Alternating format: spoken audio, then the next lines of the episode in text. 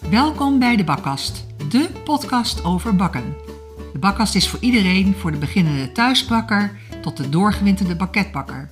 Kortom, de podcast is voor iedereen die van bakken houdt. Tijdens onze podcast delen we onze liefde voor het bakken. We praten over onze ervaringen en geven informatie over de recepten die we maken.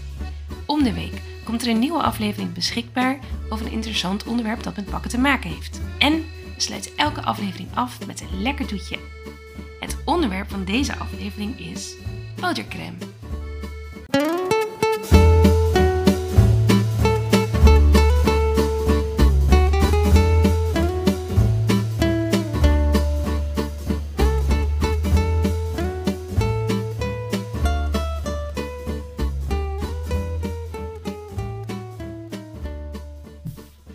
Lieve Lisbeth, nieuwe aflevering Ja, over botercrème. of botercrèmes. Ja. Crèmes, Heerlijk. we hebben er meerdere. Ja, echt ont- ontzettend veel. Ja, Ehm, maar voordat we daar helemaal over eh, gaan kletsen en de diepte ingaan, hoe, eh, hoe was je week? ja. Hoe was mijn week? Ja, ik heb wel, ja, rustig. Oh, Zo begin van het nieuwe jaar, Ja. weet je wel. Het is altijd een beetje rustig. Maar, ehm, nou ja, wat ik, wat ik wel kan delen, inderdaad, ik reed net naar jou, hè, want we zitten hier eh, bij Kim. Ehm, is dat ik voor het eerst in de auto van mijn man mocht rijden. En die heeft een elektrische, totaal elektrisch. Ik heb, ik heb zelf zo'n hybride auto. oh ja, ja. En hij heeft al een, een hele elektrische auto. Ja. En het ellendige ding, weet je, dat had ik helemaal niet door. Maar dat gaat op een gegeven moment een eigen leven leiden. Oh, Heb je ooit een heel elektrische auto gereden? alleen als 100%? bijrijder, maar nooit, eh, Oh nooit zelf gedaan. Nee. Nee, want hij, op de een of andere manier, weet je, hij wil dus dat je tussen de lijntjes blijft. Nou, dat is logisch, dat je die recht blijft. Maar dat blijf ik. Maar dan zegt hij elke keer van, ja, u moet tussen de lijntjes blijven. Dat, ja, maar dat doe ik toch? En dus dat, op het moment dus dat je eh rechts af wil slaan, de snelweg op of zo, zonder dat je je knipperlicht aangeeft, Ja. of een beetje, dan krijg je een ruk naar links weer, want je moet tussen die lijntjes blijven. Ja, dat, dat heb ik dus ook zelfs in mijn hybride net nieuwe auto. Oh, Dat is inderdaad die beleiding die je moet aanhouden. En daarom moet je dus altijd netjes knipperlichtje aandoen. ja. Maar ehm, hij, hij trekt zo hard inderdaad dat je er zo erg van schrikt. Dat was de allereerste keer. Ik had hem net uit de garage gereden. Zweethandjes natuurlijk over de snelweg. En toen dacht ik, nou, even van baan wisselen. En toen kreeg ik ook zo. Je krijgt gewoon een ruk. Oh, je schrikt je helemaal rot. Ja. En gaat die, die tom, er zit een tomtom in ook. Ja, alles, alles digitaal natuurlijk. Dat, Ja. dat heb, ik, dat heb ik ook. Maar deze gaat dus tegen je praten. Dus op het moment, er was eh volgens mij de Hermes House Band. Ik zat lekker mee te zingen. Weet je, het was Ja. twee uur rijden hier naartoe weer. Dus op het moment dus dat je zingt, dan denkt hij dat je wat zegt. En dan gaat hij praten tegen je. Ik weet niet hoe je dat uit moet zetten. Maar dan zegt hij me, eh, eh, kan ik u helpen? Oh. Dan nee, Nee, ja, ik wat heb- zegt u? Wilt u dat herhalen? Oh, dat is wel heel grappig. Nee, dat heb ik niet. Ik heb wel ehm eh Siri die dan aangaat natuurlijk. Soms als ik ook een beetje aan het meezingen ben en er zitten wat S-klanken in. Maar dan is Oh, gewoon, nee, S-klanken, stop, is dat? nee, stop. Ja. Hoe is dat met S-klanken? Nee, het ligt eraan als het Siri is en dan reageert hij op Oh. hey Siri. Dus dat, ja. Dat weet ik niet wie erin zit. Oh ja, nou ja. Of Siri of eh, Jan of Piet. Geen idee. Maar ik, ik denk dat het misschien gewoon echt meer met de meest nieuwe auto's is. Dat dat helemaal zo ja, vol aan. ja, dat heeft niks met elektrisch te maken waarschijnlijk. Nee. Nee. En achteruitrijden ging niet goed. Weet je wel, dan wil ik achteruitrijden. En dan remt hij dus ook zelf, want dan vindt hij dat je al te dichtbij bent. Terwijl ik denk van, nou, ik kan nog wel even een stukje naar achteren. Oh. Ook eng. En op een gegeven moment kan je dus niet meer naar achteren. Weet je wel, dan zitten mensen te wachten, weet je wel. Van wanneer is het Oh. nou eens een keer ingeparkeerd? Ja, heel irritant. Oh. Ja. Parkeert hij ook zelf? Check you. Oh, misschien wil hij het zelf doen. Ik weet het niet. hè, Maar dan moet je check, check uw boekje of zo. Check uw eh, gebruiksaanwijzing kreeg ik op een gegeven moment. Oh. Ik deed alles verkeerd. Nou ja, maar je bent er. Oh, heerlijk. Ja, Ja. het is gewoon wennen. Het is wedden. Hey, en jij? Wat eh, heb jij nog iets leuks te delen of meegemaakt? Of- Eh, nou, ik heb eh, afgelopen weekend enorm veel Red gebakken. En dan heb ik die hele schattige dino-taarten meegemaakt voor, eh voor Pim. die heb je laten zien. Superleuk. Ja, ze was heel blij mee dat dat was gelukt. was voor mij ook een hele nieuwe... Het, het was heel fijn omdat we natuurlijk botercrème combineren en ik die taart kon maken. Dus ik Ja. had gelukkig nog heel veel botercrème. In ieder geval één versie van de botercrème dan. Ja. Ehm, maar voor het eerst had ik dus een, een halfronde taart. Want die dino heeft natuurlijk een soort bol hoofdje bovenop. Ja. Ehm, en toen dacht ik, ja, hoe ga ik dat nou glad krijgen? Want ik heb natuurlijk spatel en ik heb Ja. wat, wat, wat dingetjes van de, eh, van de eh, pottenbakcursus die we ooit ehm, hebben gedaan. Ja, Daar hadden ja. ze van die hele kleine handige eh, schrapertjes. Dus die heb ik toen gekocht. Ik dacht, ja, als het voor pottenbakken kan, dan kan het ook voor taarten. Dus dat was Maar echt er zit geen ronding in of zo. Dat Nee, daar mooi... zit niet een ronding zelf Oh. in. Maar eh we hadden toen op internet een beetje had gevonden van hè, op, op wiens idee ik het had gebaseerd. Ehm, ze had een soort ja, plastic flexibel mapje. En toen dacht ik, nou, ik ga eens even tussen mijn kantoorartikelen speuren. En toen vond ik inderdaad ook zo'n Oh. eh, heel dun, ja, eigenlijk een tabblad van, eh, van het eh, schrijfblok waar jij nu Ja. aantekeningen op maakt. Ja. Die had ik eruit Oh, gerukt. ja. En daarmee heb ik dus echt heel makkelijk zo die halve ja, ronding erin Het zag kunnen er krijgen. super strak uit. Ja. Nou, het, het heeft wat paniekaanvalletjes gekost. Maar goed, Ja, ik, ik weet ook, het was de allereerste keer dat ik het deed. Dus ik ben uiteindelijk ook echt mega trots erop geweest dat het zo is gelukt. Maar ja. dat Ik vond het een mooie kleur. eh, ja, ik was er heel blij mee. Ja. Ja, ja, Ja. dus dat, eh, nou, misschien later als we over kleurstoffen en eh, handigheidjes, zou- kan ik dat nog delen. Maar dat was, ik was inderdaad heel blij met, ehm, met de kleur en eigenlijk hoe die helemaal geworden was. Dus super fijn. En eh, schoonpapa was jarig, dus dat hebben we ook gevierd. Ehm, En die houdt ook van red velvet. Nee, ja, die arme man. Ik had dus Oh. niet voor hem gebakken. Oh. Sorry, Oh. schoonpapa. Maar eh, nee, ik had, eh, we hadden, daar hadden we, eh, dat is misschien nog wel een, een grappig verhaal. Mijn, is het dan, ja, mijn, ja, ook mijn schoonmama, de, de, de, vriendin of de vrouw van mijn schoonvader, ja. Ehm, die had allemaal lekkere gebakjes bij de hele, ja, hele speciale patisserie in, in Haarlem gehaald. En toen had ik voor het eerst in mijn leven een kasteeltje Ja. gegeten. En dat, is, dat ziet er echt heel schattig Ziet uit. het Dat is een heel traditioneel ouderwets gebakje met marsepein aan de buitenkant. En is gewoon gevuld met hoe ik het ken. eh, biscuit en botercrème of, of iets. Ja, En een jammetje ook, of niet? En een jammetje ja, inderdaad. toch. Ja. Ja. Ja. Maar deze was eigenlijk 80% botercrème.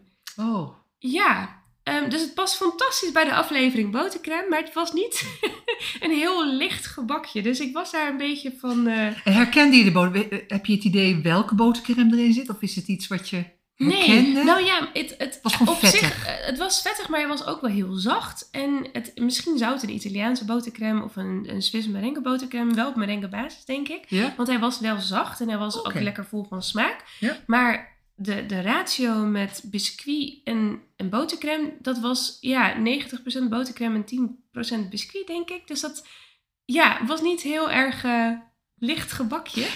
dus ik kon hem ook echt helemaal niet Nee. op. Hij was zo En aan de buitenkant zit dan marsepein? Zo'n Ja. marsepein... eh, Ja, dus dat dat, was super machtig. Ja, dus ja, ja. Ik, ik vond het zo erg, want ik hou natuurlijk helemaal niet van taart laten staan. Maar Ja. ja, nee. Nee. Ehm, ik heb dus de helft van het gebakje maar kunnen opeten, want het was echt te veel. Oh. Maar goed, hè?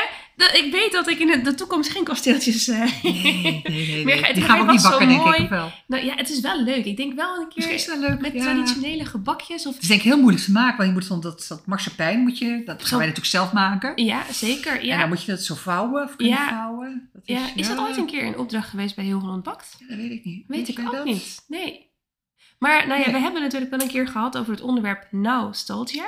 Eh, over Ja. allerouderwetse dingen die nu weer helemaal hip worden. Dus de, de vintage cake en de milk bar cake en de funfetti cake. En Ja. ook eh, zo'n, eh, nou ja, ik denk dat zo'n kasteeltje er ook heel erg Ja. bij past. Dus misschien dat we daaruit een aflevering over kunnen gaan maken. Leuk. Over, ja. nou ja, ouderwetse tussen aanhalingstaartekens ja. Vintage, vintage Ja, cakejes. die nu weer helemaal hip zijn. Net Ja. als eh, de eerste aflevering van onze Heel Holland Bakt eh, avontuur natuurlijk. Dat was ook eh, vintage, maar dan in een nieuw jasje. Ja. Dus ik denk dat dat wel leuk is om dat een keertje... Om dat een keer te, te doen. doen, ja. ja. ja. allemaal leuke ideeën. Ja, nou ja, en verder Ja. gewoon lekker gewerkt. Blue Monday overleefd. En weer Monday, door. dat is Ja, de meest eerste maandag, eerste maandag na de vakantie. nou ja, als je vakantie hebt, hè. Nee, zeker. Ja, maar ze zeggen altijd, het is dan de helft, dat is dus dan net geweest. Eh, Mhm. En dat is dan als alle creditcardrekeningen binnen zijn. Dus Oh. meestal ook altijd een beetje slecht weer en zo. En dan zijn Oh, mensen ja. altijd een beetje down. En Ja. vandaar dat het dan Blue En Monday je moet alles is. weer gaan betalen, volgens mij Nee. ook. Je, je verzekeringen, en je, dat En moet je allemaal vak- vooruit. Ja, en alles is achter de rug. Ja. Nee.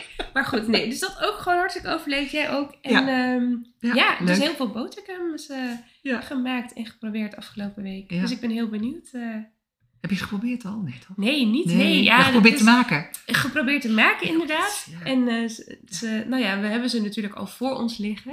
Ja. En we hebben er, even kijken, zeven, Zeven? zeven verschillende gemaakt. Ja. Dus ik denk dat We we... wilden er eigenlijk acht.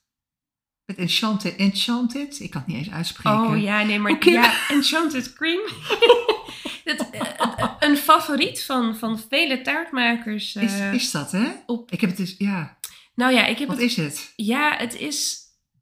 Ja. ehm Dat is een zakje, hè? Een zakje en dan gooi je het er is water zakje bij. Of melk, gooit er melk. melk of water, melk. inderdaad. En dan klop Ja. je dat op tot een soort. Niet eens boter gooi je erbij. Nee, Oh, nee. Dat ja. zo makkelijk is om te maken. Zeker die eerste die we straks gaan proeven. Ja, Dat is zo makkelijk om te ja, maken. Waarom heb je dan een zakje? ja. Dat snap ik niet. Dat Nou, ik denk- principe. Ja, je zou denken het gemak, maar goed. Zonder Maar- dat ik, dat ik. Ja, nee. Ja, Enchanted Cream is gewoon niet voor mij. Nee. Laat ik het gewoon Nee. in een soort positieve manier. Ja. Nou, voor mij ook niet. Als ik het Nee. hoor, dan denk je, ja, pak je zakjes, weet je. Daar zitten dan allemaal geur, smaakstoffen, aroma's. Terwijl die botercrème, weet je, je hebt een pakje boter en een pakje poedersuiker. That's it. Ja, nou Of ja, niet? dat is één versie natuurlijk, maar dan gaan we Ja, meteen... maar als ja. mensen het moeilijk vinden, weet je, om Nee, te beginnen. zeker. Voor, voor kinderen of voor beginners. Of Nou mensen- ja, wat ik Nee. denk is dat, dat er zijn natuurlijk een aantal mensen die, die, die taarten maken en die dat heel fijn vinden werken en die daar ook heel groot mee zijn geworden, om het maar zo te zeggen. Ik denk dat het qua prijs ook heel erg scheelt. oké. Want- Niet omdat het wit is bijvoorbeeld. Een Ook, kleur. dat is ook een voordeel ervan, inderdaad. Maar goed, het gele van de botercrème kan je natuurlijk ook altijd neutraliseren door een heel klein beetje paarse kleurstof toe te voegen. Maar Ja. Daar zo Ja. meteen ook meer over. Dus Ja. nee, Enchanted Cream heeft het niet gehaald Nee. eh, in deze uiteenzetting. Nee, Nee. Ja. En welke het ook niet heeft gemaakt is de, de eh, niet heeft gehaald is de Franse botercrème of de Franse merengue waarbij eh, volledige eieren gebruikt worden. Ja, of Ehm, eigeel alleen hè, hebben ze ook. Ja, Ja. kan inderdaad. Ja, die hebben we niet, niet gedaan, maar dat is eigenlijk bij mij er een beetje tussendoor geglipt. Maar Ja, misschien dat we ik, had er daar- geen zin, ik had er geen zin Nou ja, met, met weer zo'n siroop, weer hebben- siroop maken, 118 graden siroop, bla bla bla. Nou, ik had geen zin. Mijn pannetjes waren allemaal vies. Dus nou, Nee, dus het is helemaal oké. als Dus mensen die, het willen, dan eh, vragen ze me naar het recept. daarom, we Toch? delen ook zeker het recept, dus dat komt helemaal Ja. goed. Nee, maar ik denk dat... ehm, ja, ik ga gewoon eventjes... eh denk wat vertellen over de geschiedenis van Ja. frostings en, en, Ja, en dergelijke. Ja, ja. natuurlijk. Ja. Ik dacht, we gaan proeven. Nee, nog niet. eerst- nee, eerst we gaan eerst, eerst wat over de historie en, eh, en de Ja, verschillende recepten waar komt het vandaan? praten. Ja, ik, eh, ik vertel het je zo.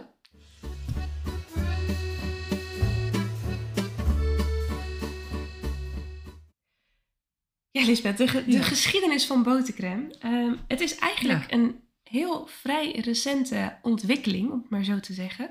Ehm, ik had gezien dat in 1908 de eerste ehm botercrème als woord benoemd was in een woordboek. Hm? Ehm, en ik denk dat pas sinds 1915 het echt een beetje vorm heeft gaan, gekregen zoals wij het nu kennen. Echt geklopt met boter en En suiker. Zoet, denk ik. En ook. zoet, Ja. inderdaad. Ja. Ja. want als je meestal... Kijk, ik ben natuurlijk begonnen met het bakken met cupcakes. En daar Mm. was dan een bepaalde frosting op. Maar je hebt de naam frosting, icing Ja. en botercrème. En dat wordt allemaal eigenlijk heel erg door de war ehm, gebruikt.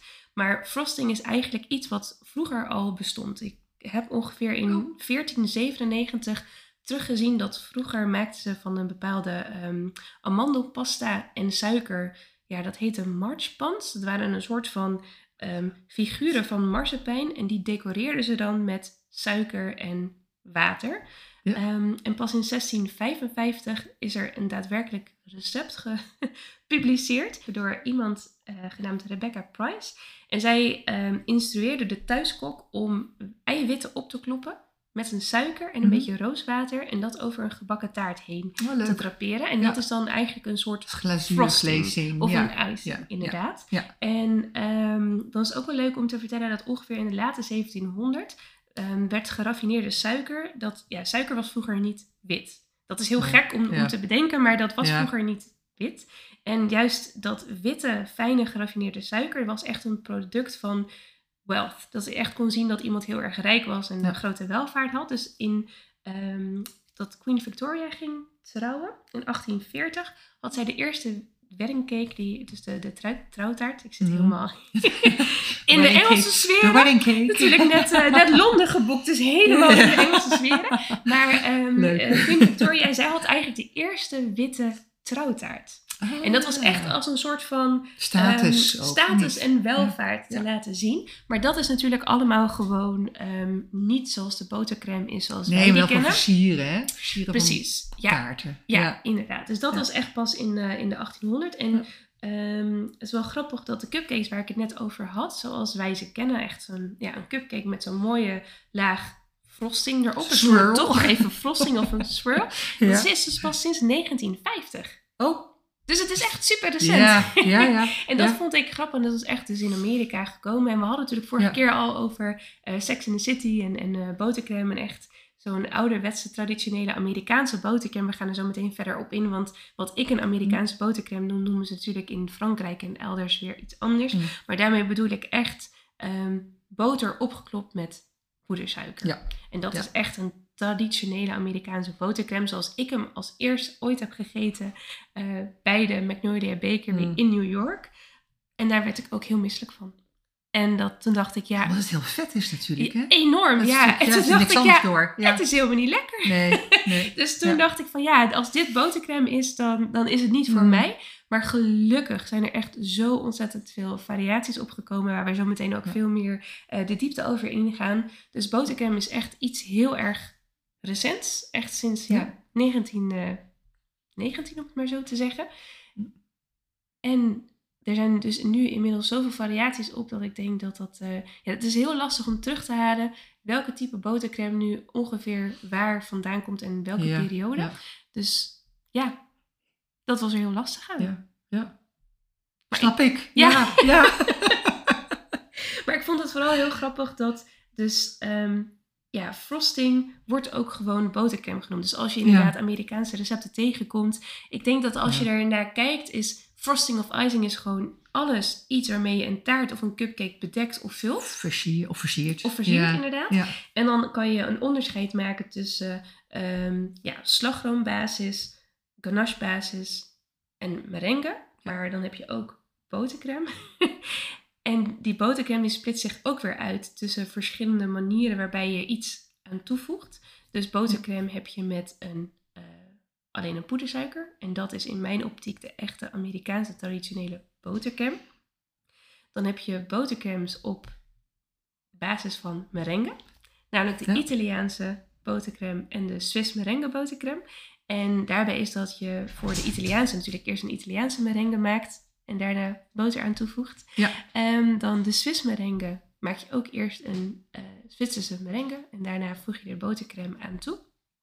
Dan kom ik ook iets heel erg grappigs tegen, namelijk de Korean buttercrème. Ja, ja. En Maar dat snapt, die snapte ik niet. nou, ik heb dat dus opgezocht en ik Ja. was er eigenlijk een beetje eh, verbaasd over, want ehm, ze doen er allemaal heel erg geheimzinnig over. En het is Mm. in 2017 is er een bepaald patent op geweest. En het is heel Echt waar? lastig ja, om Oh. daar informatie over te doen. En het wordt Ja. omschreven als een heel erg glossy botercrème. Ja. Maar wat er dus bij gebeurt is, ze maken een Italiaanse botercrème. Ja. Maar als die op kamertemperatuur is, dan stoppen ze die in de vriezer. Oh. Ja. Ik dacht ze er ijskoude boter bij deden. Dat doen ze dus ook. Dus Ja. als daarna de, de Italiaanse merengue ijskoud is, dan doen ze dus ook de ijskoude boter erbij. En dan gaan ze dan kloppen. Dus terwijl ik dat zag gebeuren op dat filmpje, dacht ik, ja, maar dat, dat kan toch niet? Daar gaat Nee. toch iets mee gebeuren? Dat water gaat er toch uitlopen? En dat Ja. gebeurde inderdaad ook. En vervolgens bleven ze maar kloppen, kloppen, kloppen, kloppen. En uiteindelijk wordt dat water Wordt wel weer- opgenomen. Ah. Maar het zag eruit als een soort klei. Oh. Ja, en toen dacht ik, ja, ik, ik snap dat je hier hele mooie boterbloemen van kan opspuiten. Ja. Maar eh, ja, ik denk niet dat het lekker is. Ik heb het niet geprobeerd, want ik dacht het is te, te, te Ja. ingewikkeld Ja. Ja. voor vandaag. En zeker om dat een dag van tevoren uit te proberen. Maar Ja. ehm, er bestaat dus ook een Korean Ja. eh, merengue botercrème. En dat vond ik heel erg fascinerend. Ja. Ehm, dan heb jij eh, andere botercremes gemaakt die echt op basis van een Van zetmeel zetmeel. Ja. zouden zijn. Ja, wil je daar wat, eh, wat meer over ja, vertellen? dat ene. De zetmelen zijn in deze dan de maizena. Dat is dan de banketbakkersroom eh botercrème. Ja, ik weet niet hoe ik hem anders moet benoemen. Nee, maar die is met maizena gemaakt. En de andere is de ermine. Ja, ik noem hem, dat, dat noem ik dan weer Amerikaans. Omdat het voor mij makkelijk is. Ja. Ik denk dat is Amerika ooit bedacht ook. De ermine. En die is gebaseerd op een, ja, op een roux. Een roux, daar maak ik normaal maak ik daar een bechamelsaus eh van. En heel veel mensen zullen denken van, oh, jakkes, weet je wel. Maar eigenlijk is het hetzelfde. Maizena is ook zetmeel. Hm. Weet je? Of je nou bloem gebruikt. Want ik, ik, heb, ik lees ook wel recepten met banketbakkersroom, waar mensen dan geen maïzena erin doen, maar gewoon bloem. Dus je kunt ook een maïzena vervangen door bloem en daar de room mee maken. Nou, en die ermine is dus een papje van eh, bloem, melk. En dat kook je dan op. En dan krijg je een soort van dikke brei, krijg Ja, je, bloem, ja, bloembrei, zeg maar. En de andere helft vul je dan aan met botercrème. Maar je moet er wel een smaakje aan toevoegen nog, want anders is het niet super lekker. Maar goed, dat is echt met al die botercremes, vind ik, weet je. Beetje Ja, fruit ja, dat erdoor, is- of iets van chocola, of iets, ja. Ja. Hij is vrij neutraal, dat is, dat is de ermine. Ja. Oké, en dus niet zo heel erg zoet. Nee, het is niet zo heel erg zoet. Terwijl die banketbakkersroom wel zoet. Weet je, die smaakt dan naar vanille, omdat die maizena erin zit met vanille en nou ja, zo. Ja, Dus die twee, ja. Ja. Ja, een andere die ik dus ook nog was tegengekomen was de Russian buttercream. Oh ja, En dat vond ik fascinerend, want dat is boter opgeklopt met gecondenseerde melk. Ja. En er stond bij als, nou, deze heb je in vijf minuten eh, geklopt. en dat was ook zo. En dat was ook zo. Ja, Ja. dus ik was daar echt super in geïnteresseerd. Maar ik Ja. heb hem uiteindelijk wel iets langer doorgeklopt. Dus ehm, je, je klopt je boter helemaal op met zo'n whisk. Dus echt een, ehm, Zo garde. zo'n garde inderdaad. Klop je helemaal echt luchtig op. Wel echt vijf tot nou ja, acht minuutjes dat hij mooi licht is. En dan doe je er dus gecondenseerde melk bij. En dat Ja. doe je dan in en die moet dezelfde temperatuur hebben, hè? Dat is natuurlijk altijd Ja, al die precies. dingen. Ja, inderdaad. Ja. En die, gelukkig hadden ze die bij mij ook dezelfde temperatuur. Ja. en je voegt dan die eh, gecondenseerde melk in drie, eh, ja, drie Etappes? etappes. Ja, sessies Ja, of drie etappes. ja. Je, kan niet in één keer, want dan kan het inderdaad Ja. zij in de schrift gaan. Vanwege Ehm, de vocht met het vet ja, waarschijnlijk. maar ik was echt onder de indruk van hoe snel die werd opgenomen. Dus ik ben echt heel erg En nieuwsgierig. geen hoe die- suiker verder. Nee, Nee. de condensed milk is natuurlijk heel zoet al van zichzelf. Ja. Oh, bijzonder. Daar ben ik ook Ja. heel benieuwd naar. Ja, en qua verhoudingen zo, ik kwam wel tegen dat het, ehm, er zijn verschillende recepten natuurlijk, zoals met elk recept, zijn er verschillende variaties, waarbij ehm, Chelsea Sweets, dat is een Amerikaanse eh, bakster, zij deed best wel veel gecondenseerde melk op iets minder boter. Ik geloof dat Dan wordt dat hij meer runny. Dan wordt hij meer ja, zacht, toch? 3 tot 2 was, maar dacht, ja, dat ga ik niet doen. Nee. Ehm, dus ik heb uiteindelijk ja, 1 op 1,08 gedaan. Ja, dat klinkt echt heel gek, maar Ja, moet ze uitproberen. Je hebt gewoon het uitgeprobeerd. Ja, ja, toch? ik ja. ben eh, naar de website gegaan van eh, Sugarology gegaan. Oh, ja. En ehm, zij, ja, wat, wat zij heel mooi doet, is zij heeft ook een heel overzicht van botercremes, waarbij ze ook helemaal in de, eh, de wetenschap is gedoken van al die botercremes. Met hoeveel procent vet, hoeveel procent melk, hoeveel procent suiker. En dat Ja. is heel erg interessant om dat te lezen. ja, zeker. En toen dacht ik, zij heeft dit al helemaal uitgedokterd en onderzocht. Dus ik heb gewoon haar recept voor de Russian buttercream eh, gepakt. Dacht, dan hoef ik het heel niet opnieuw uit te vinden. Dus ik ben heel Ja. benieuwd hoe die smaakt. Ja. Ehm, en de laatste is cream cheese frosting. Dat is eigenlijk Oh ook gewoon een botercreme waar je ehm, een deel van de boter vervangt door cream cheese. Hoe simpel, simpel. kan het zijn, hè? Nou ja, dat. Ja, ja. want iedereen denkt van, oh, botercreme, het is super moeilijk. Nee. Tuurlijk, denk Ja. ik dat als je de, de Swiss merengue of de Italian merengue, hè, daar moet je wel echt een ja. beetje ervaring Ja, in en de krijgen. pakketbakkersroom ook. Dat ook Precies, ja, dat is inderdaad. Dus dat, Maar die andere, dat is... Nee. nee, ja, dus ik zou Nee. echt denken van, probeer het gewoon hoor. uit. Ja. En, en, en ja, qua... En lekker lang kloppen, hè? Dat is wat met die botercrème. Dat snapte ik vroeger nooit. Nee, Ja, dat vond ik hem ook nooit het- lekker, omdat het dan heel machtig is. En Ja, nou ja, wat doe je? 10 minuten? Misschien wel langer, hè? ja, best wel lang, want dat is wel Ja. grappig. De, ehm, mijn opa die maakt altijd kaassoesjes. Ja. En daar zit eigenlijk ook gewoon een kaascrème in, wat, wat bestaat uit heel veel boter, die je zo ontzettend luchtig klopt, Ja. met daar kaas Ja. doorheen. Eigenlijk is dat Ehm, ook een soort van botercrème. Ja, Ja. Ja, ja, het is heel gek Ja. als je daarover nadenkt, maar dat is inderdaad wat Ja. het is. Dus Ja. als je denkt van nou, botercrème is niet helemaal mijn favoriet, klop het dan gewoon veel langer door Ja. en kijk dan eh, wat het resultaat is en proef dat. Ja. Dus ik denk dat, ja, als we gaan kijken naar hoe deel je de botercremes in, dat je echt wel kan zeggen van, ehm, nou ja, dat, wat ik dan de Amerikaanse botercreme vind, is boter en poedersuiker. Ja. Dan heb je inderdaad die op basis van merengue, je hebt op basis van zetmeel en Ja. dan heb je op basis van een bepaalde toevoeging, zoals de gecondenseerde melk Ja. of de cream cheese. En je Ja. kan natuurlijk ook witte chocolade Witte chocolade bij. Ja, ja, ja. Moet ook op dezelfde temperatuur. Ja, heel beter, als belangrijk. het smelt. Altijd Ja. dezelfde temperatuur. Ja. Voorzichtig proberen bij elkaar. Ja. Kan niet veel misgaan, hè? Je Toch? Nee. Als je nadenkt. Nee, je moet een beetje nadenken erbij. Ja, maar dat, Dat is wel. natuurlijk wel, dat is natuurlijk wel best wel lastig. Soms, als je in Ja. paniek staat en denkt, Ja. oh, ik moet die taart nu Afgeleid afmaken. Ja. Maar ik zat nog eventjes te denken, want ehm, de verschillende toepassingen zou je natuurlijk wel kunnen zeggen dat zo'n Amerikaanse botercrème van alleen boter en poedersuiker, dat je die misschien doet onder een marsepeinen taart. Ja, of fondant. fondant. Ja, precies. Doen wij ook niet, maar als je fondant taart wil maken, weet Ja. je, als je vindt dat leuk, dan is die Amerikaanse botercrème. Daar heel geschikt. onder. Ja, en ik denk dat... Omdat die weinig vocht heeft.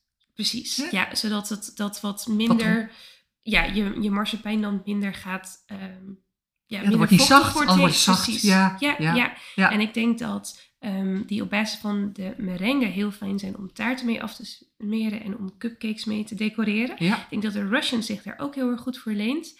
En ik zou denken dat misschien die op basis van banketbakkersroom en de ermine, en de cream cheese echt meer voor een vulling zouden kunnen zijn. Ja, ja. Ehm, maar misschien dat die ermine ook wel voor... ehm nee, die is traditioneel natuurlijk voor de red velvet voor de red velvet. Ja, ja, ja. ja. Maar dat gaat erin en eromheen, hè? Ja, Alles. precies. Ja, Ja, ja, ja. ja. en ik denk dat ermine ja. ook wel voor, voor cupcakes eh, zou kunnen zijn. Ja, ja gebruiken ze ook voor cupcakes, klopt. Ja, ja. Ja, krijg je een mooie luchtige swirl.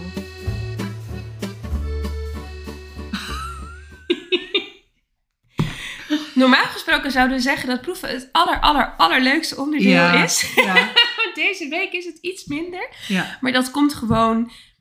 Ik, ik maak natuurlijk altijd die taarten met, met botercrème. En soms Ja. heb je gewoon te veel boter geroken, geproefd. ja. Eh, Ja, dus ik ben heel erg benieuwd. Maar ehm We gaan het, we gaan het eh, Zeker. proberen. Zullen we beginnen met de voor de wetenschap. Voor de wetenschap. We doen alles. Deze podcast is volledig voor de Voor de wetenschap. wetenschap. Ja, ja. Maar is dit dan ons eerste onderwerp waar wij zelf een beetje denken van, nou, ja, bij mij wel. oké, Omdat, het, omdat er niet vaak mee werk. Oh, ja. Ik vind het wel altijd heel prachtig uitzien. Dat sowieso. En ik vind eigenlijk ook altijd als je een taart maakt, weet je dat alles lekker moet zijn, eetbaar. Waar ik ook soms van schrik is van de kleurtjes. Weet je, daar moet, daar ja. moet ik ook altijd een soort van drempeltje over. Oh ja. Om er een kleurtje aan toe te voegen. Je van die hele felgekleurde paarse, groene, gele taarten. Dan word ik ook altijd niet zo blij. Terwijl het onzin is natuurlijk. Het zit gewoon in mijn hoofd. Oh ja, ja, grappig. Nee, daar, daar heb ik geen last van. Maar omdat ik het zelf zoveel gemaakt heb, ik eet ook nooit de botercrème op. Dus heel veel Ah. mensen die vinden het super lekker en die Ja. eten lekker altijd. al- al- Maar ja, Ja. ik eet eigenlijk Ja, nooit. en ik vind dus dat je een taart moet kunnen eten gewoon. Dat, daarom zou ik hem niet maken dan. Oh ja, nee, maar goed, ja, je, Ja. je kan hem natuurlijk heel goed eten.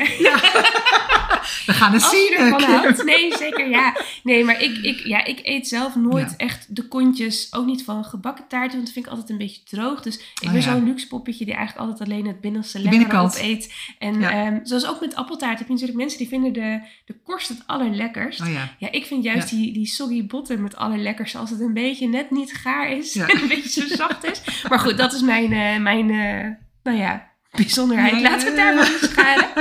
Hey, waar gaan we mee beginnen? we gaan met de Amerikaanse beginnen. Dus echt de, de traditionele die eh één deel boter is en twee Ja. deel poedersuiker. Ja. Ik heb er, Zit er van- vanille doorheen? er zit een klein beetje vanille hè? in. zwarte ja, puntjes? ja, en ik heb er ook een heel klein beetje zout aan toegevoegd. Ik ruik er ook even aan. Oh ja, doe dat. Wat, ru- wat ruik je? Ja, boter. boter. Boter. Ja, Ja. nou ja, En een beetje heel klein licht tintje vanille, maar Oh ja, met name boter. Mm. Ja. Mm. Ja, heel zoet.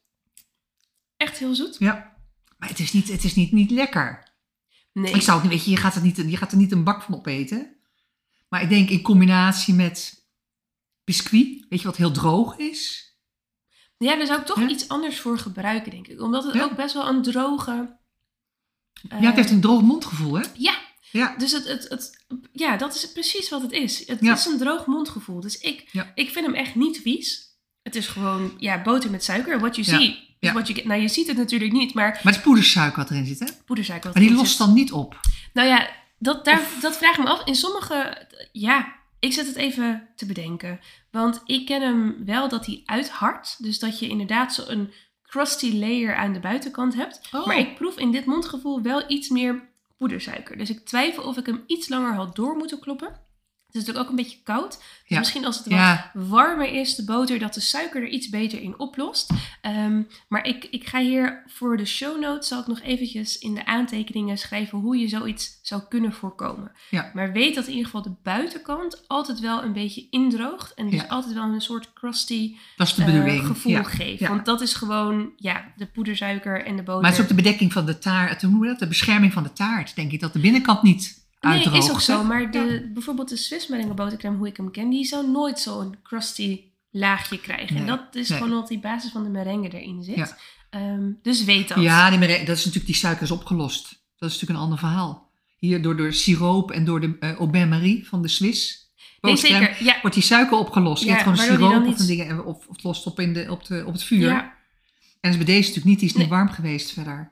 Nee, het kan dat best wel met, met temperatuur te maken hebben hoor. Ja. Want we zitten natuurlijk midden in de winter op dit moment. Nou, dat zeker. Ja. Maar ook ik, hè, hoe ik hem ook weet van dat ik toen die Magnolia Bakery Cupcake had gegeten, eh, weet ik ook gewoon dat Ja. de buitenkant een beetje zo'n crusty layer had. Ja, ik Ja. noem hem weer in Engelse taal, maar ik weet niet zo goed hoe ik het knapperig in- een beetje. Nou, niet Toch? echt, maar wel, ja, misschien wel een beetje zo'n korstje, maar dat is ook niet echt, maar Hm. wel een, een iets uitgeharde buitenkant. We gaan door naar de Ermine. ermine, want die is ook vrij neutraal, denk Ja. ik. Dat is, Dus hè, dat dat is ook basis een traditionele, op basis van een roetje inderdaad. Een roetje. Ook een roetje. Een, een, een, Een roeks- roe- roeksje. roe- Een roeks, een roeksje. En Ja. Ja, je, hebt, ik, je hebt er ook vanille doorheen gedaan, zie ik. Ik Ja, eventjes... Ik denk het wel. Ik weet het en niet is het helemaal. Ja. qua moeilijkheidsgraad? Wat, hoe moeilijk is het? Ook niet. Ook niet moeilijk. Het enige waar je op moet letten is dat je dat... Je, doet, je kookt dus bloem met, in melk. Dat kook je. En dat laat je dus pruttelen. Ja. En normaal met een, eh een bechamel sausje eh, doe je er meer melk bij. Krijg je echt een saus. Of je doet er kaas bij. krijg je een kaassausje. Weet je, voor over je bloemkool. Ja. Eh, maar deze laat je dus doorkoken. Verder voorzichtig en blijven roeren. En op een gegeven moment moet die zo dik worden... dat je er een tandenstoker rechtop in kan zetten. Dus het wordt een soort van...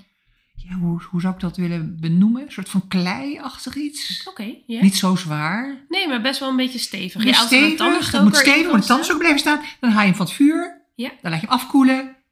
En dan mix je het samen met de boter. Of nee, de boter ga je eerst, oh, sorry, de boter ga je eerst kloppen. Mixen, Ja. mixen, mixen. 10 minuten. Dat het lekker luchtig is. En dan doe je beetje voor beetje doe je die, eh, die roe, dat, dat papje erbij. Stukjes van, stukjes van dat papje. Ja, en er zit geen suiker in.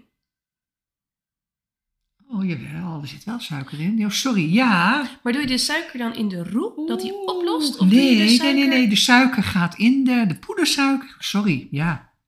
Nee, ja, nee, Ja. maar je, ik, ik heb hem nog nooit De gemaakt. poedersuiker dus- gaat in. We hebben een keertjes. Oh nee, we hebben niet samen inderdaad. Maar ik heb een keertje gemaakt. Want het, het fijne van deze is dat je hem ook eh, vegan kunt maken. Maar de poedersuiker gaat inderdaad in de boter. Dus je klopt de boter op met de poedersuiker. dus Zeg maar echt op de Amerikaanse manier. Ja.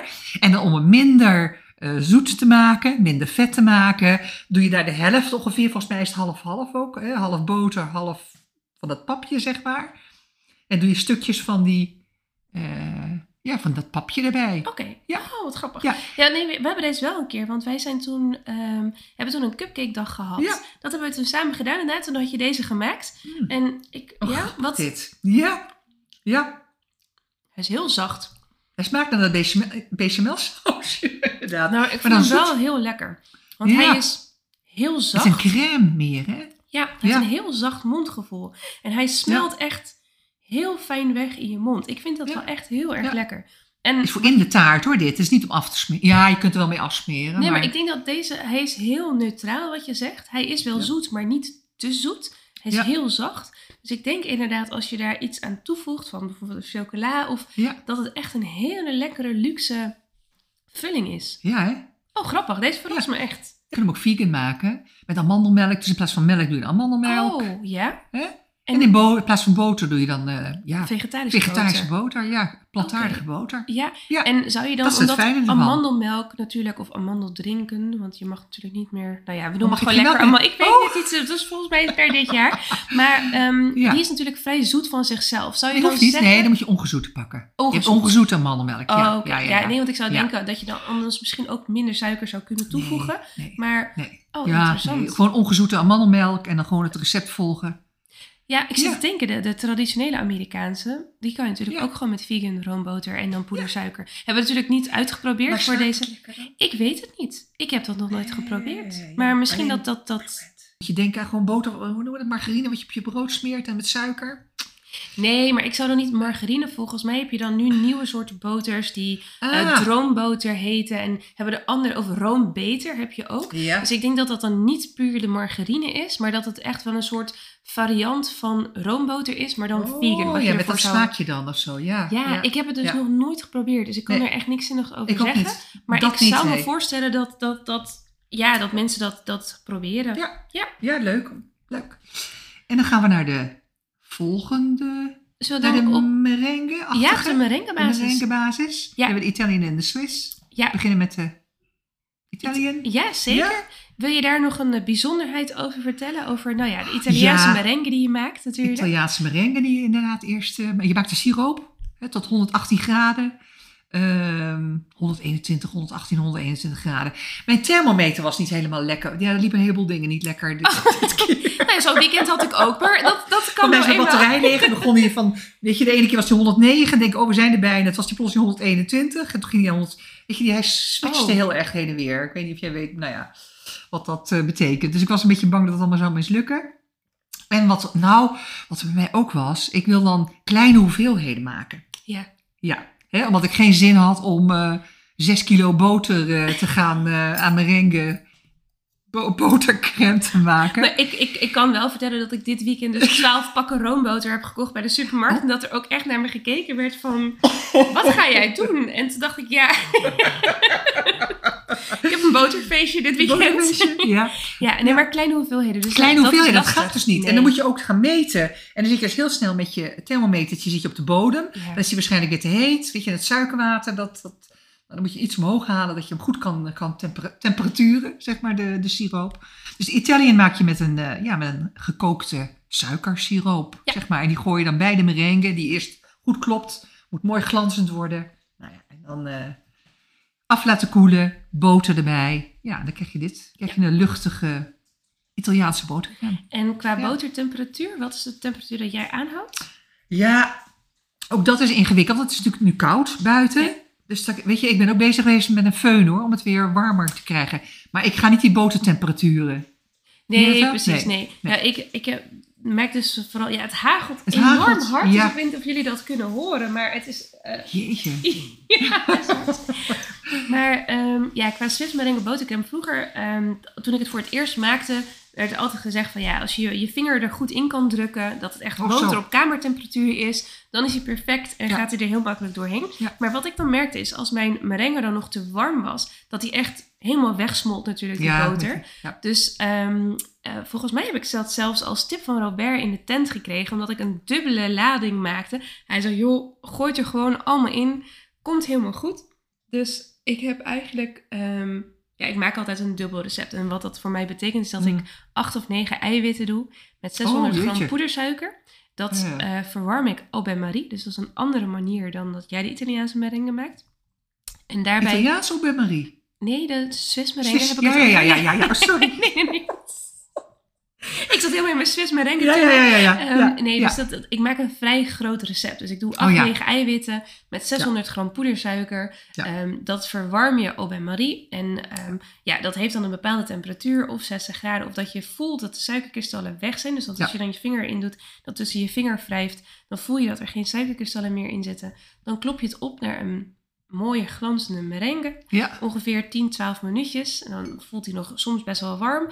En dan lekker gewoon 800 gram boter erin. Hoppatee. Oh ja, Dus ik had een hele grote... productie draaien. Ja, ik heb echt een ja. flinke productie gedraaid inderdaad dit weekend. Maar ik vind het gewoon fijn. En ik maak hem ook graag zo groot, omdat ik weet dat als mijn boter dan koud is, dan is hij ook meteen gebruiksklaar. Ja. Dus ik kan meteen van start. En meestal als hij dan nog te warm is, dan moet je hem eerst weer terugkoelen en dan Ja, weer doorkloppen. En soms is hij dan weer te koud en dan moet je het weer verwarmen. En dat, ehm, ja, dat is gewoon veel gedoe. Maar wat ik dus wel heel fijn vind, ook aan de Italiaanse en aan de Swiss merengue, is dat op het moment dat het te koud is en je het weer doorklopt, dan zie je dat hij weer een beetje in de schrift gaat. Gaat? Gaat. Schip, schip.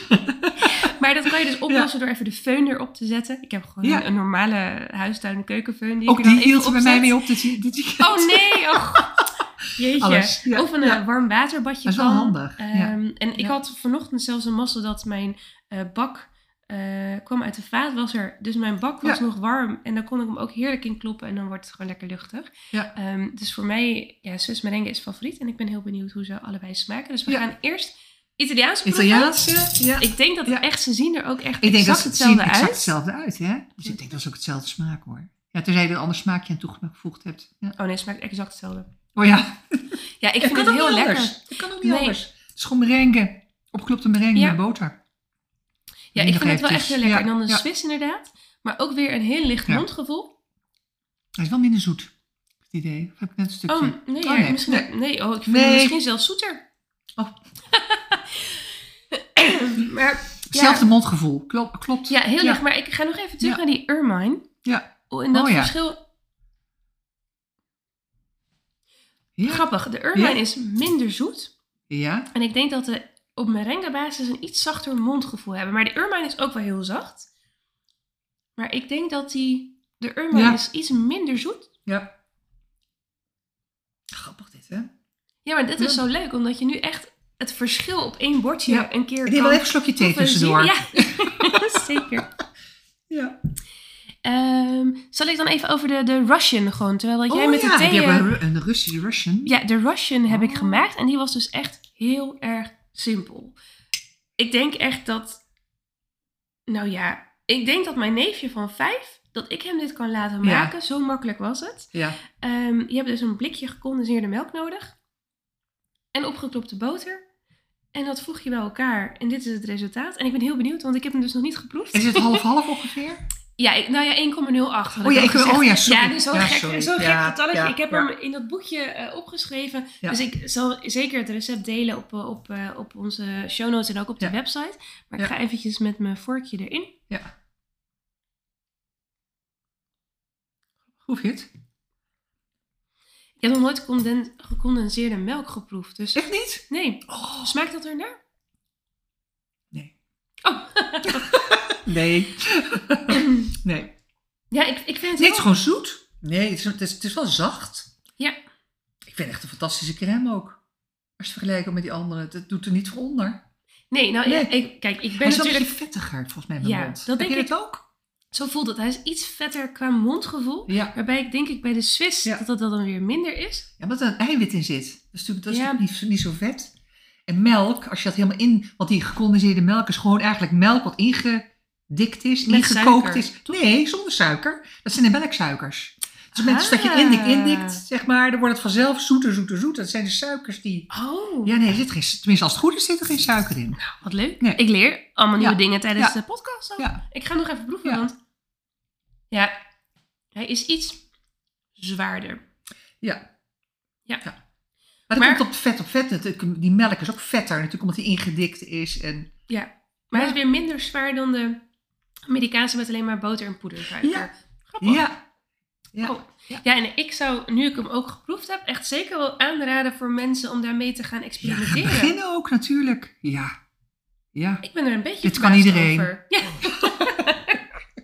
Heel leuk. Ja. ja, en dan de andere versie ehm, is dan de, eh, de cream cheese. Dat Cream eigenlijk cheese, gewoon ja. botercrème is Ja. met een beetje cream cheese erbij. Dus je vervangt Ja. een deel van de boter. Nu is hier het gevaar wel dat je hem te ver doorklopt. Omdat Oh. de cream cheese, als dat op een gegeven moment, eh, als je dat te ver doorklopt, dan komt dat vocht er heel snel uit. Ja. Dus dit is Dus wel... met mascarpone is dat ook, hè? Ja, Ja, dus dit is wel ja. dat je echt wel een klein beetje moet kijken. Eh, normaal gesproken maak ik mijn cream cheese frosting, doe ik ehm, mijn boter, een klein deel boter is ongeveer 60, 70 gram boter, Mhm. met 275 gram poedersuiker. En daar doe ik dan 200 gram monchou blokjes door, van die Oh, dikke stevige Ja. blokjes. En ik- spatel je dan of zo? Of wat doe je? Nou, nu ik met de handmixer, ja, ik, ik, Ja. er is een hele dunne lijn tussen dat je nog die suikerkristallen soms proeft of niet. Dus wat ik nu heb ontdekt is, je doet eerst de poedersuiker met de boter. Ja. Dat klop je en het ziet er dan eigenlijk uit als een soort crumble. Want het wordt niet helemaal een crème. Oh nee. Omdat het een te hoge verhouding is. Je hebt 60 te veel gram suiker. 275. Ja. Ja. Ja. Dus het wordt een beetje, ja, een beetje ziet het eruit als crumbles, om het maar zo te zeggen. Mhm. En dan pas doe je de cheese frosting erbij. En dan meng je dat. Maar je moet echt stoppen. Ja, omdat ik het nu zo vaak gemaakt heb, zie ik het wanneer die net goed is. Maar je kan dus niet te lang doorkloppen. Ik doe dat met een handmixer. Dan wordt het smeuig wel. Ja, het wordt is wel ook smeuig, inderdaad. Ja. En wat ik nu heb gedaan is eigenlijk ehm, het percentage van boter verhoogd. Ehm, omdat, ja, hoe die werd omschreven op de website was eigenlijk nog steeds het, het grootste gedeelte boter en suiker. En dan een klein deel van de boter vervangen door cream cheese. Ja. Dus ik ben Ja. heel benieuwd. Ik heb echt geen idee. Ehm. Ik denk dat het... Hij is wel het geelste. Hè? Ja. Het donker, nou ja, geel, het donkerst van kleur. Ja. Ja, ik zou dit niet gebruiken voor het afsmeren van taarten. Nee. Hij is heel zacht, hij smelt direct Oh. weg. En je proeft dus een klein beetje de cream cheese. Dus Oh, dat maakt hem grappig een beetje Ja. frisser. Hoe, Ja.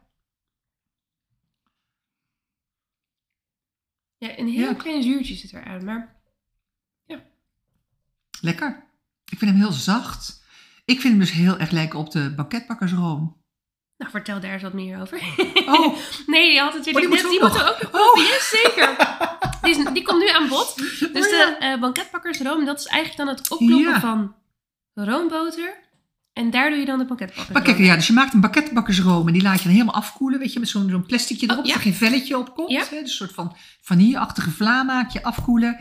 Dan eh, klop je de boter op eh, tot, weer, weet je, tot die heel luchtig is. En dan doe je ook weer stukjes van de eh banketbakkersroom erbij. Maar dan moet weer dezelfde temperatuur hebben, anders gaat het natuurlijk niet goed. Nee, precies. Maar En dat vind ik het het voordeel aan is Ja. dus dat de, de suiker zit al in de banketbakkersroom. Dus je hoeft dat niet... Ook, hoeft ook niet in de boter. Nee, nee, nee. nee, nee.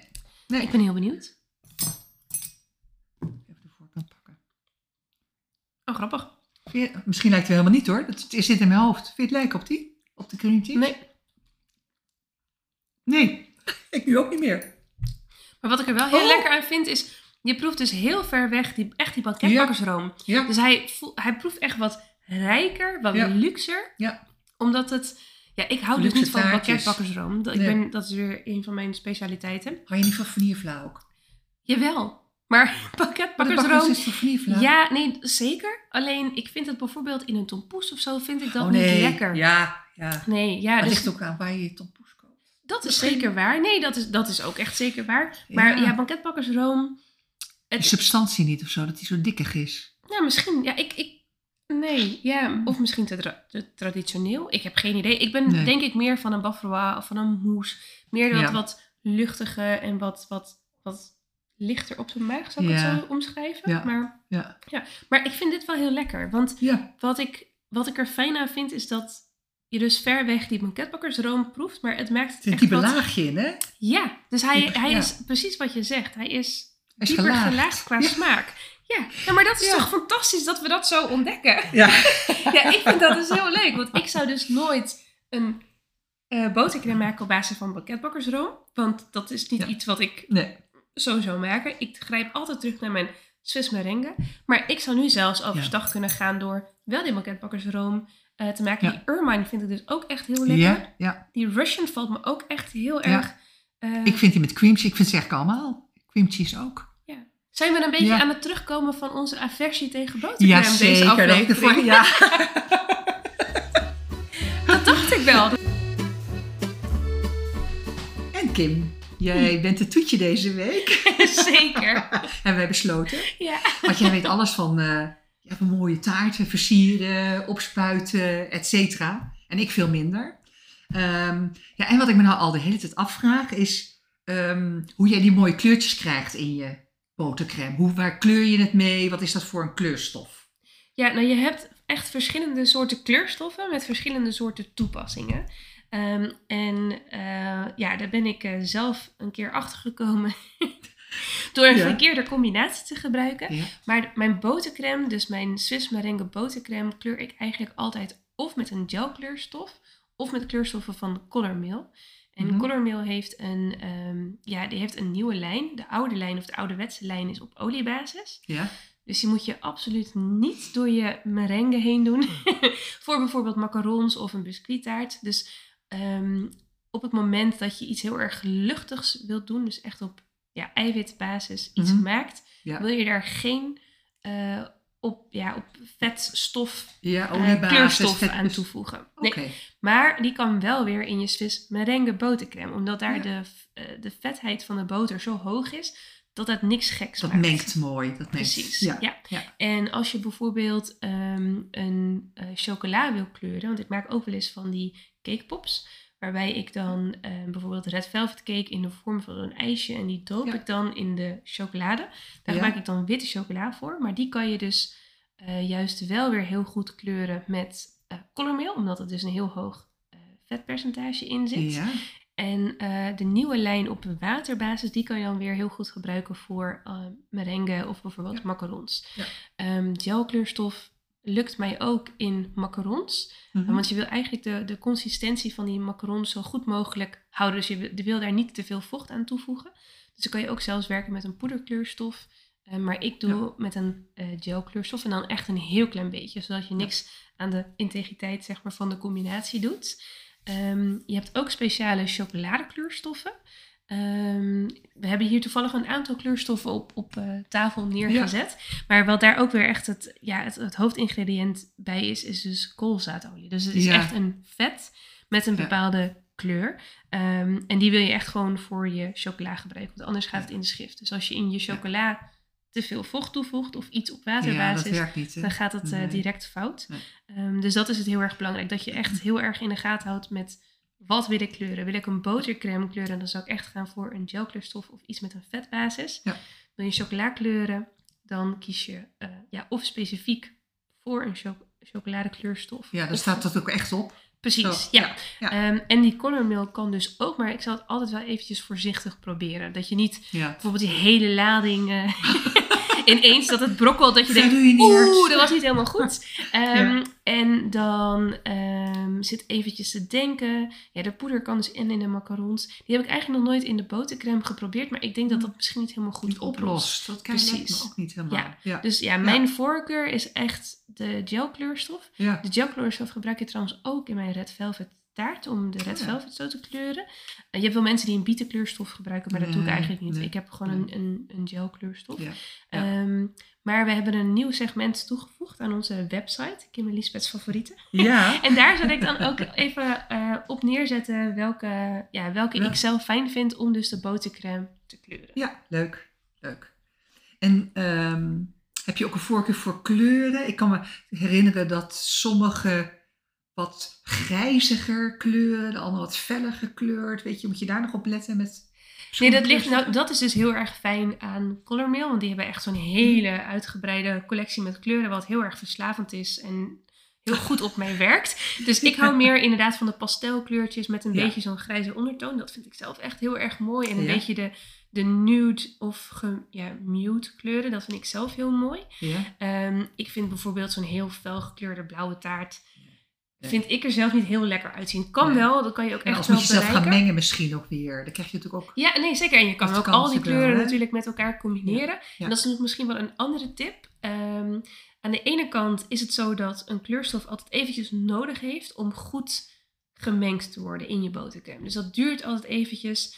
Komt ook altijd... ehm, ja, op een gegeven moment heeft het een bepaalde kleur. Maar als je bijvoorbeeld je taart mooi afsmeert en dan je botercrème even wegzet... dan kan het zo zijn dat je botercrème in een bakje nog even doorkleurt. Ah, Dus hou daar rekening mee. Maar het kan ook Ja. zo zijn dat je niet echt de, de kleur wil die je krijgt. Dat je hem wat Ja. donkerder of wat voller wil maken.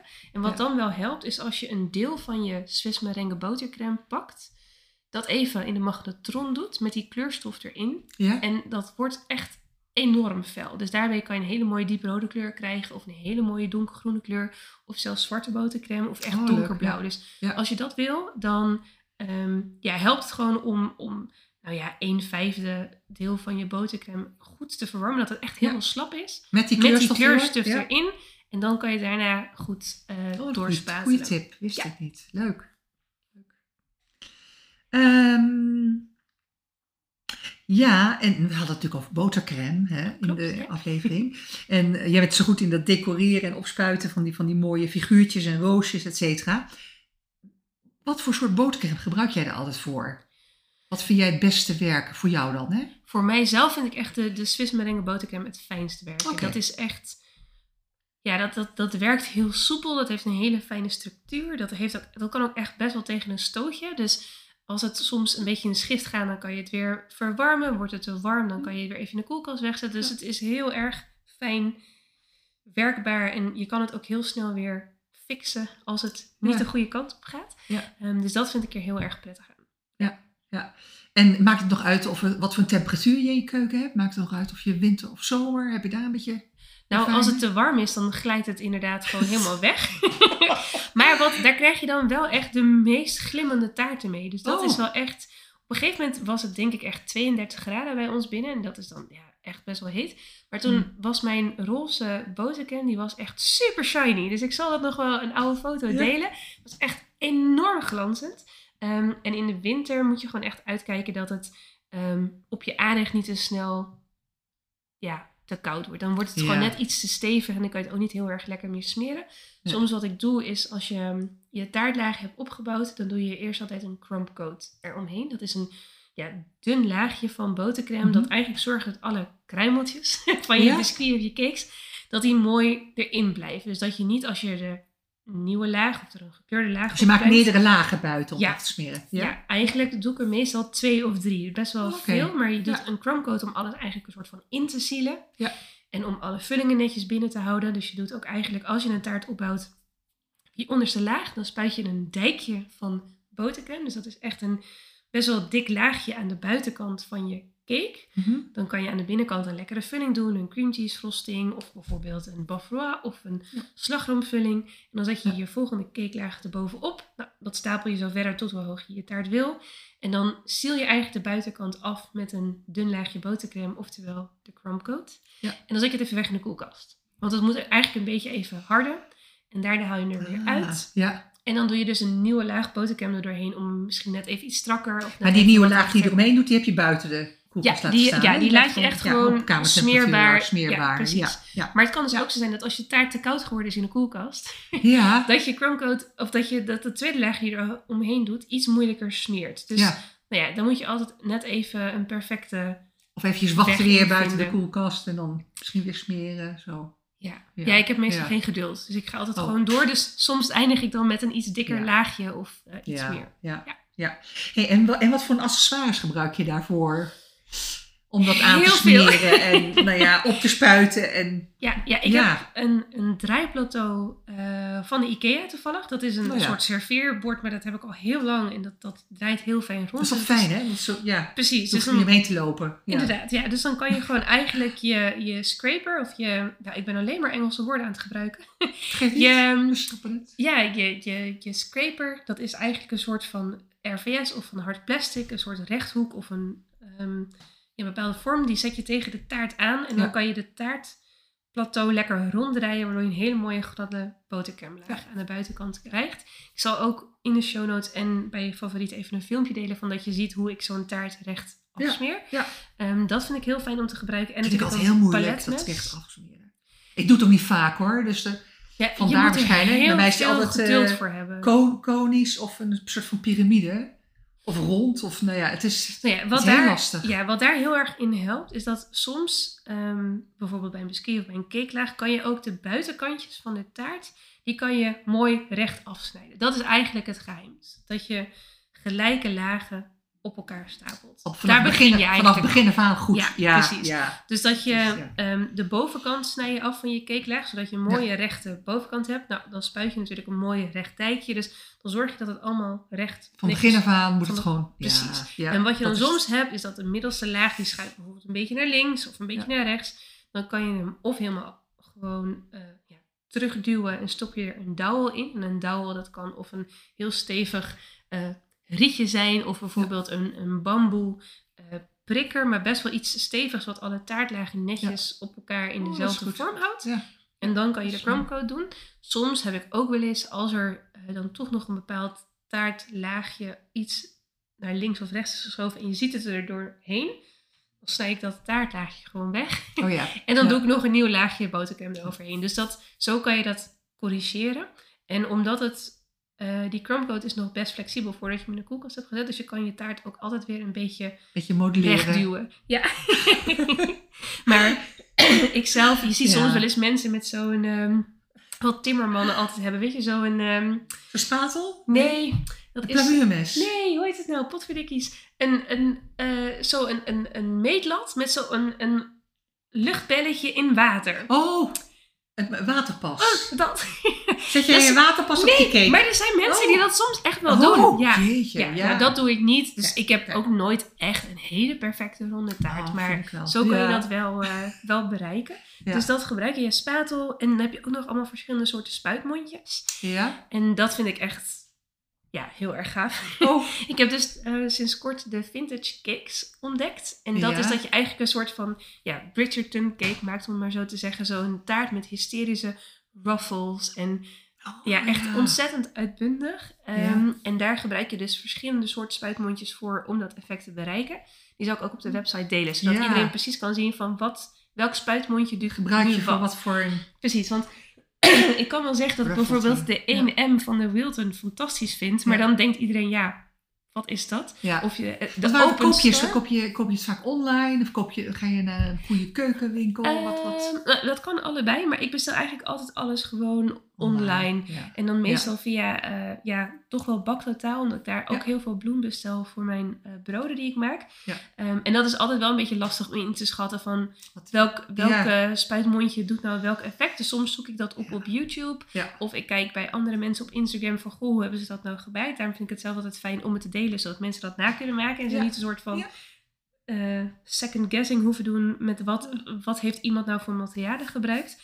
Dus ik zal op de website ook even voor zorgen dat de spuitmondjes die ik gebruik en hoe dat eruit ziet wat Ja. je opspuit. Leuk. Ja. Ehm, ja, en die Ja. hele mooie, of tenminste mooi, dat vind ik zelf natuurlijk, die roze cupcakes eh, die ik maak, daar gebruiken de meeste mensen een 1M voor maar, van Wilton. Maar ik vind zelf de 2D van Wilton een mooier effect geven. ja. Ehm, ja, ik kan ze wel En omschrijven. begin je er binnenin of bui- van, van buiten Eh, binnen? Je begint binnenin. Ja, dus je, binnen en gaat, je houdt het eh, plat en je hebt altijd een soort van gelijke druk. En dan maak je eigenlijk, als je erin knijpt, laat je de botercrème heel voorzichtig door de zwaartekracht zo... Ah. netjes om zichzelf Dus je drukt het heen niet, maar. draaien. Je- Het is meer dat Nee, je het is meer dat je, dat je het laat wel- gaan. onder- Ja, dus Je, je knijpt er wel stevig in, maar je laat het eigenlijk om zichzelf Ja. heen draaien. Ja. En dan krijg je dat mooiste effect eh, daarvan. Maar dat ehm, zal ik ook wat filmpjes nog van delen op Instagram. Hebt nog veel dat- te doen. Ja, nee, maar ik heb het ook altijd wel eh, gefilmd, omdat ik dat zelf echt Oh, ontzettend rustgevend vind om naar te kijken. Daar word ik zelf Ja. op Instagram ook altijd heel erg rustig van als andere mensen dat eh, ja, laten zien. Goed. Ja. Dus ik, eh, ik zal dat zeker delen. Ja. En ik zal Ja. ook die, dat speciale effect van dat plastic mapje wat ik had gebruikt. Ja, dat klinkt echt heel Ja. gek, plastic mapje. ja. Voor die dino-taart. Die dino-taart vind ik ook interessant. Ja. Ja, Ja. ja. Hoe je dat bedacht hebt. Ja. Nou ja, dat is gewoon creatief geleend van een andere ja, nee. contentmaker. Maar dat, eh, ja, dat is wel heel leuk. Dat was een tip dat erbij stond van zo kan je iets mooi afronden. Dus dat is ook heel fijn Ja. eh, om te gebruiken. Interessant. Inspirerend allemaal. Ja, ik hoop dat dit maakt dat mensen Leuk. veel... eh, Ja. dat het laagdrempeliger is om Ja, ook dat je je gaat uitproberen, toch? Dat je gewoon ook met botercrème gewoon lekker aan de gang gaat. En Precies. Niet bang bent voor bloopers, mislukken, mislukkelingen. Nee, je moet het gewoon dingen. leren. Je moet het gewoon en je- leren. Ja, zoveel mogelijk doen. Ja, dat heb je ook gedaan. Toch? Ja, Ja. ja, Nou is ja, ik zit te denken, want de eerste botercrème taart die ik maakte, dat was denk ik, ja, daar had ik ook echt een hele slechte botercrème. Dat was voor Pasen. En toen, ehm, nou, ik denk dat dat acht jaar geleden is, want toen Mm. begon eigenlijk pas een beetje die botercrème trend te komen. Want Ja. daarvoor was het altijd gewoon marsepeinen taarten of Ja. gewoon iets. Ja. En dat hele strakke afsmeren, dat is eigenlijk pas van de laatste... Meer fondant toen acht- volgens mij. ja. niet? Ja, dus echt pas van de laatste acht tot zeven jaar. Ja. Ehm, en dat, ja, ik heb eindeloze filmpjes gekeken. Maar de eerste Ja. die ik dus had gemaakt, die was ook helemaal niet goed qua botercrème. Die was helemaal niet luchtig geklopt. En dat was een soort Nee, drie kleuren paastaart. Nee, ik had geen idee. Nee, eh, goed te kloppen, staat er goed, goed mixen. Precies, ja. Maar dan ja, denk je na wat- drie minuten ook van, oké, het is wel goed zo. Ja, ja. En ja. ehm, het recept waar ik dus mee eh, van start ben gegaan, de Swiss merengue botercrème, was echt door cupcake jammen. Dat is Oh ja. echt, ja, dat had ik toen één keer gemaakt. En dat vond ik echt zo fantastisch. Dus dat heb ik toen ook op de, de auditietaart gebruikt. Ja. Leuk. Leuk. Leuk. Nou, Nou, dankjewel. Dan gaan we het de volgende, Volgende keer aflevering. over hebben. Ja, Je had het al een beetje verklapt. ja, Over macarons, ja. de do's, de zeker don'ts. Ja. Hm. En eh, wat voor lekkere vullingen erbij zijn. Hoe je met macarons kan variëren. Het is natuurlijk ook een beetje een romantische aflevering. Ja, omdat we richting de Valentijn gaan. Ja. Dus dat, eh, ja, hopen dat Leuk. door de podcast iedereen gemotiveerd raakt om eh, toch de macarons een keertje te proberen.